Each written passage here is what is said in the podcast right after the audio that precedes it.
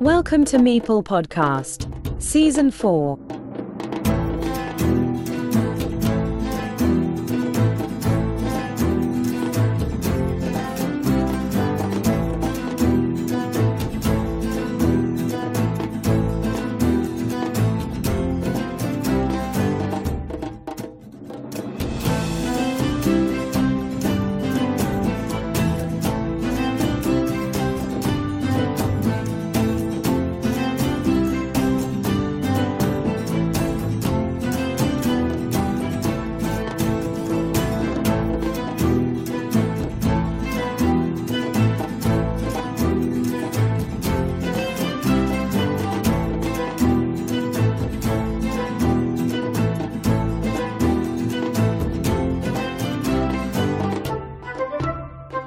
Welcome, friends. Today on Meeple Podcast, we have Otto Ikonen, the Finnish Carcassonne champion, better known on BGA by the nickname Nalleheim. Welcome, Otto. Thank you very much.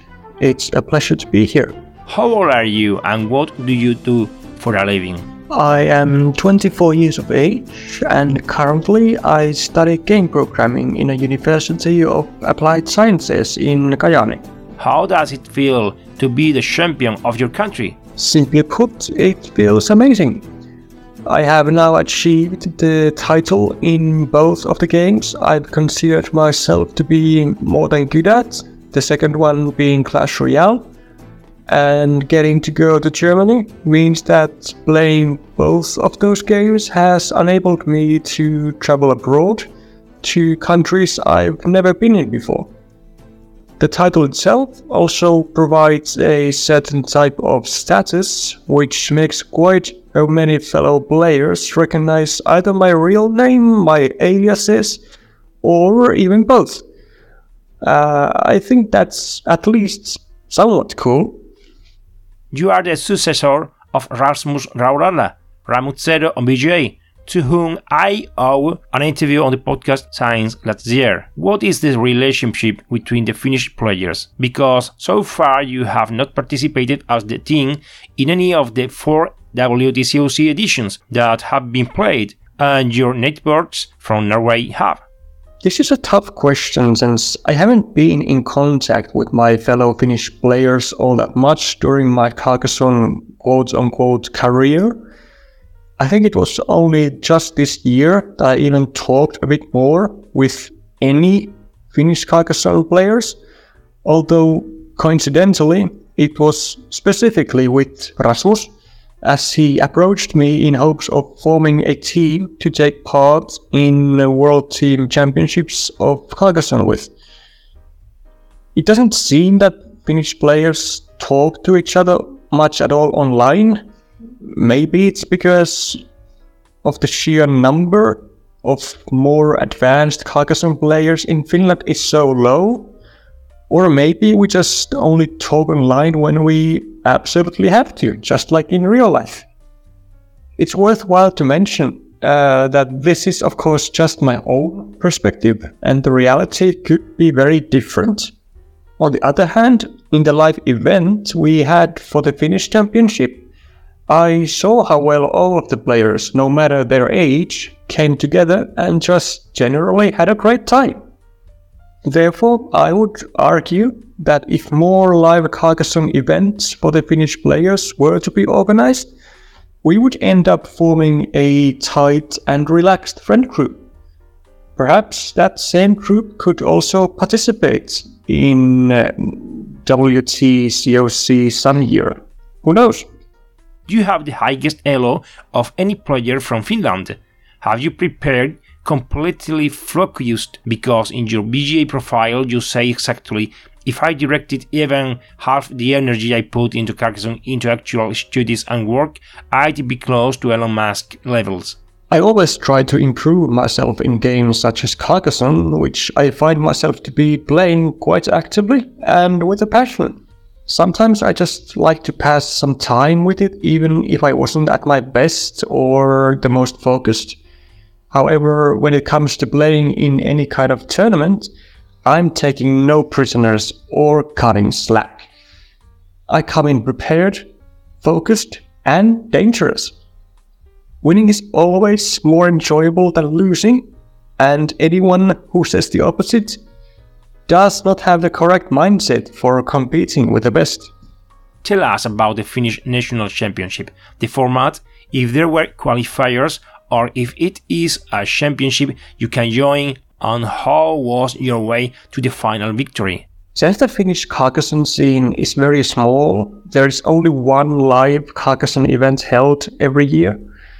It's organized as part of a much larger event called RopeCon, which has heavy focus on RPG and board games in general.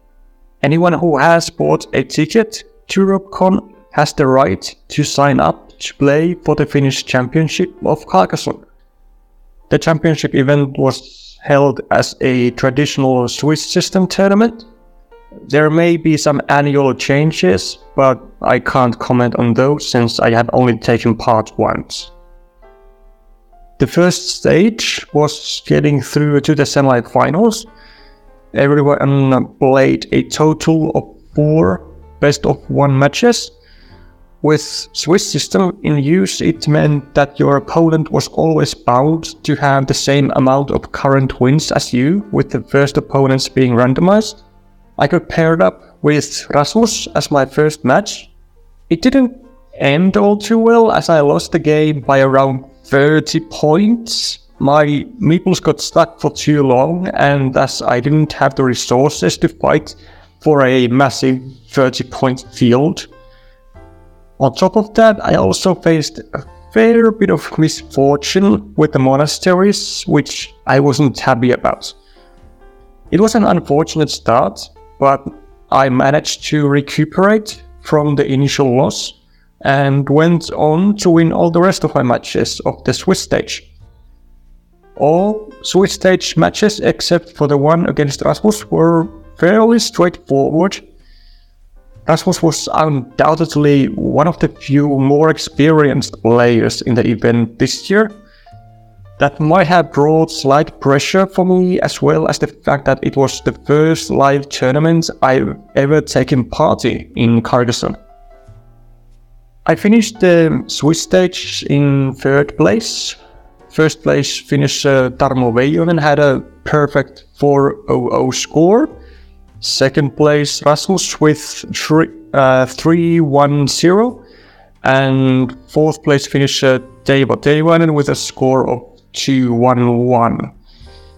In the semis, first place finisher fought against fourth place finisher, and I fought against Rasmus. I was honestly quite nervous going into our match as I had already lost to him earlier on, and the matches were still best of one formats. Almost throughout the whole match, we were pretty much neck and neck, with both playing a solid game. But during the final 10 tiles or so, I received quite a boost to my points as I basically got fed with some nasty tiles and was able to nearly complete a full monastery as well as connect myself to a large ruin that Rasmus had been building throughout the whole game bit by bit. I don't remember the exact score, but I don't think the point difference in the end was more than 10. There was a lot of relief and excitement knowing that I was now in the finals. In the finals, I played against Tarmo Veijonen. I had never heard of him before, but seeing his score of the evening being a clean 500, I knew it, it was going to be a difficult match. It became more obvious after the first 20 tiles or so that he had played a lot of games before. He was constantly making great moves and even a little unorthodox ones. There wasn't much walking during our game, so both of us were building our features quite freely. A relatively big field formed up early on, with a threat of few other smaller but still significant ones that use the same castles. I was in a meeple, dis- meeple disadvantage after around half the tiles were gone, and couldn't really use monasteries in an effective way. so I ended up using quite a many tiles just to fight for the field. Rogue Monasteries ended up being the decisive part in the end. I received both of them and also used them both to connect two of my meeples to the main field. Another one of them on my very last tile. So the painful excitement lingered in the air until the very end. It's not the first time an important game has been decided by a coin toss.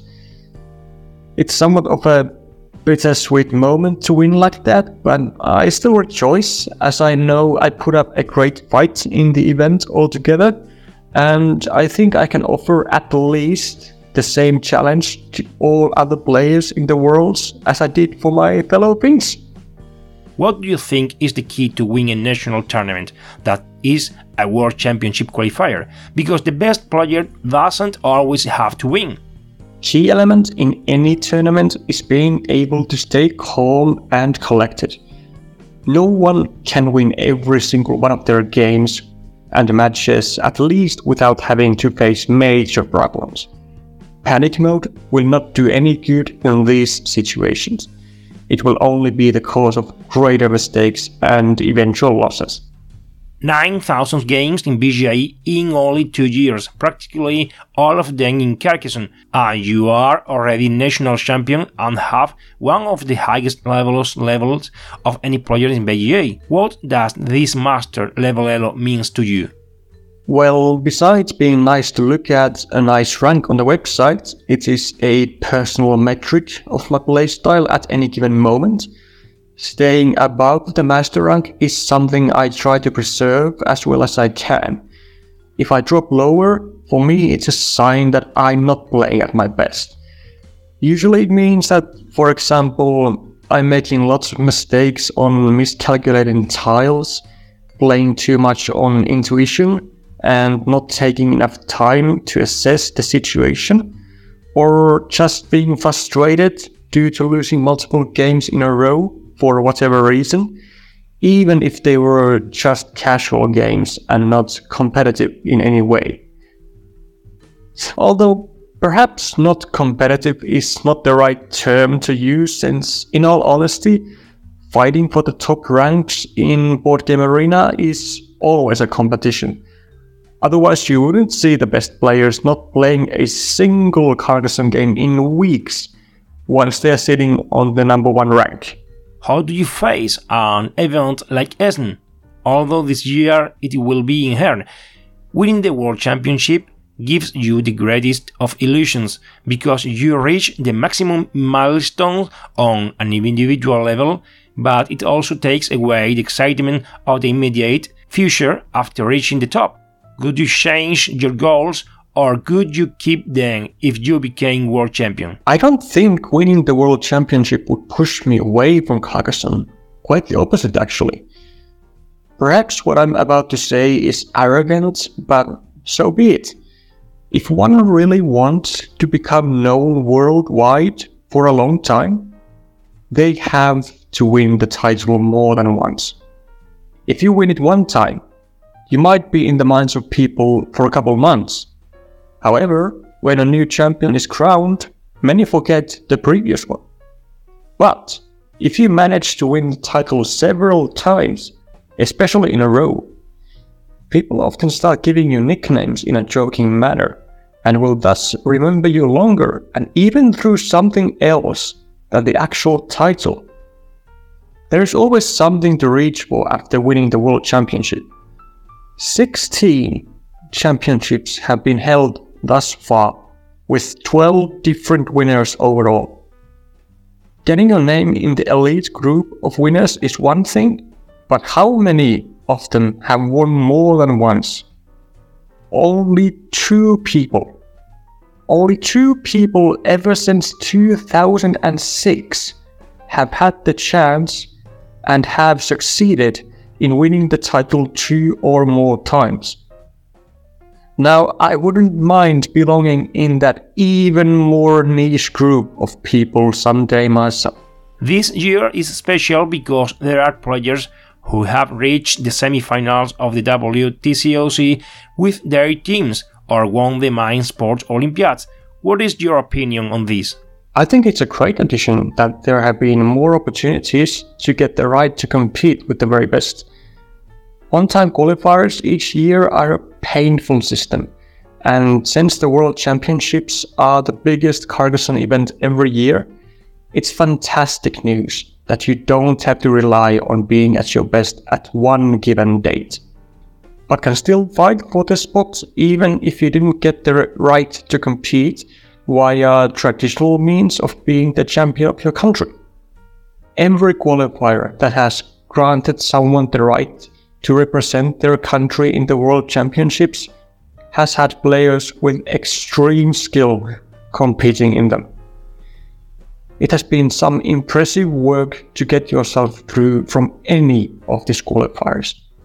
Of all the things you have been learning about Carcassonne, some of them became automated, so they are not so obvious anymore.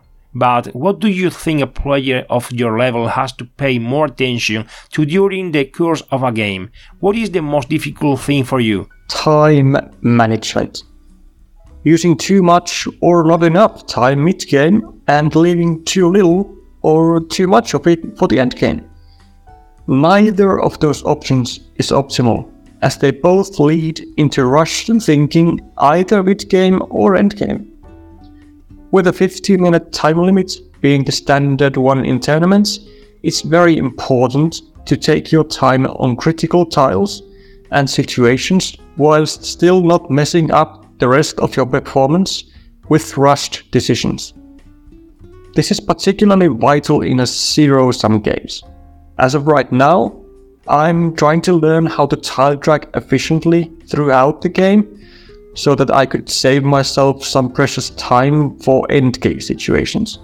Any useful tips to improve our level of play? Take time to watch some high quality gameplay of expert and master level players. Watch game analysis videos, analyze your own games, and ask for some tips and tricks from your opponents if you think they played well. Do you see yourself as the champion of this edition, or is it necessary for the stars to align to become the best player in the world? I'm going in with the mindset that I think I possess the skill needed to take down any other player. I'm not expecting to win the event, but I have set a firm goal for myself of being at least in the top 16. I think I still need a little more experience with live tournaments before I can feel being as comfortable at a table as I am online, and thus further increase my chances of taking the World Championship crown. What is the meaning of your nickname, Nalleheim? Well, a few years back, I bought a ticket to a stand up comedy show and started following some of their social medias. A couple days after, one of the comedians gave a shout out to a Finnish artist who had made several paintings and posters of a character named Nalleheim. I liked very much of the poster the comedian said was on sale and bought one for myself. Later on, I found Board Game Arena and needed a new alias for myself as I did not want to use the one I had before anymore. That's when I took a look at the poster and went with Nalleheim. My profile picture on Board Game Arena is taken off the same poster. Do you want to tell us something I haven't asked you so far? Well, since there is a chance to do it, I want to congratulate everyone who has received a spot to the World Championship one way or another. I'm looking forward to meet all of you in here to get to see faces behind the nicknames. Tell us an anecdote about the game that you haven't shared with people who know you, either online or face to face. I had a study assignment to organize a fully fledged lesson to a group of two people or more with a subject of my own preference. Being the gamer that I am, I chose to hold a lecture of Carcassonne for beginners for my two little brothers. After the lecture was over, I gathered some feedback from them. Their answer surprised me as they said that going a bit easier on the formality wouldn't hurt. since they felt like they were in an actual classroom. I hadn't noticed it myself, but apparently playing Carcassonne on a more serious level also causes me to be quite demanding, as I really want the message to go through. In the end, both of them did learn how to play the game on a base level, so I'd say the lecture was a success nonetheless. We wish you good luck in Germany and above all to enjoy your best game. Thank you very much. It was an honor to be featured here. Thank you for your presence on Meeple Podcast. To the listener, I see you on the next episode. Bye bye.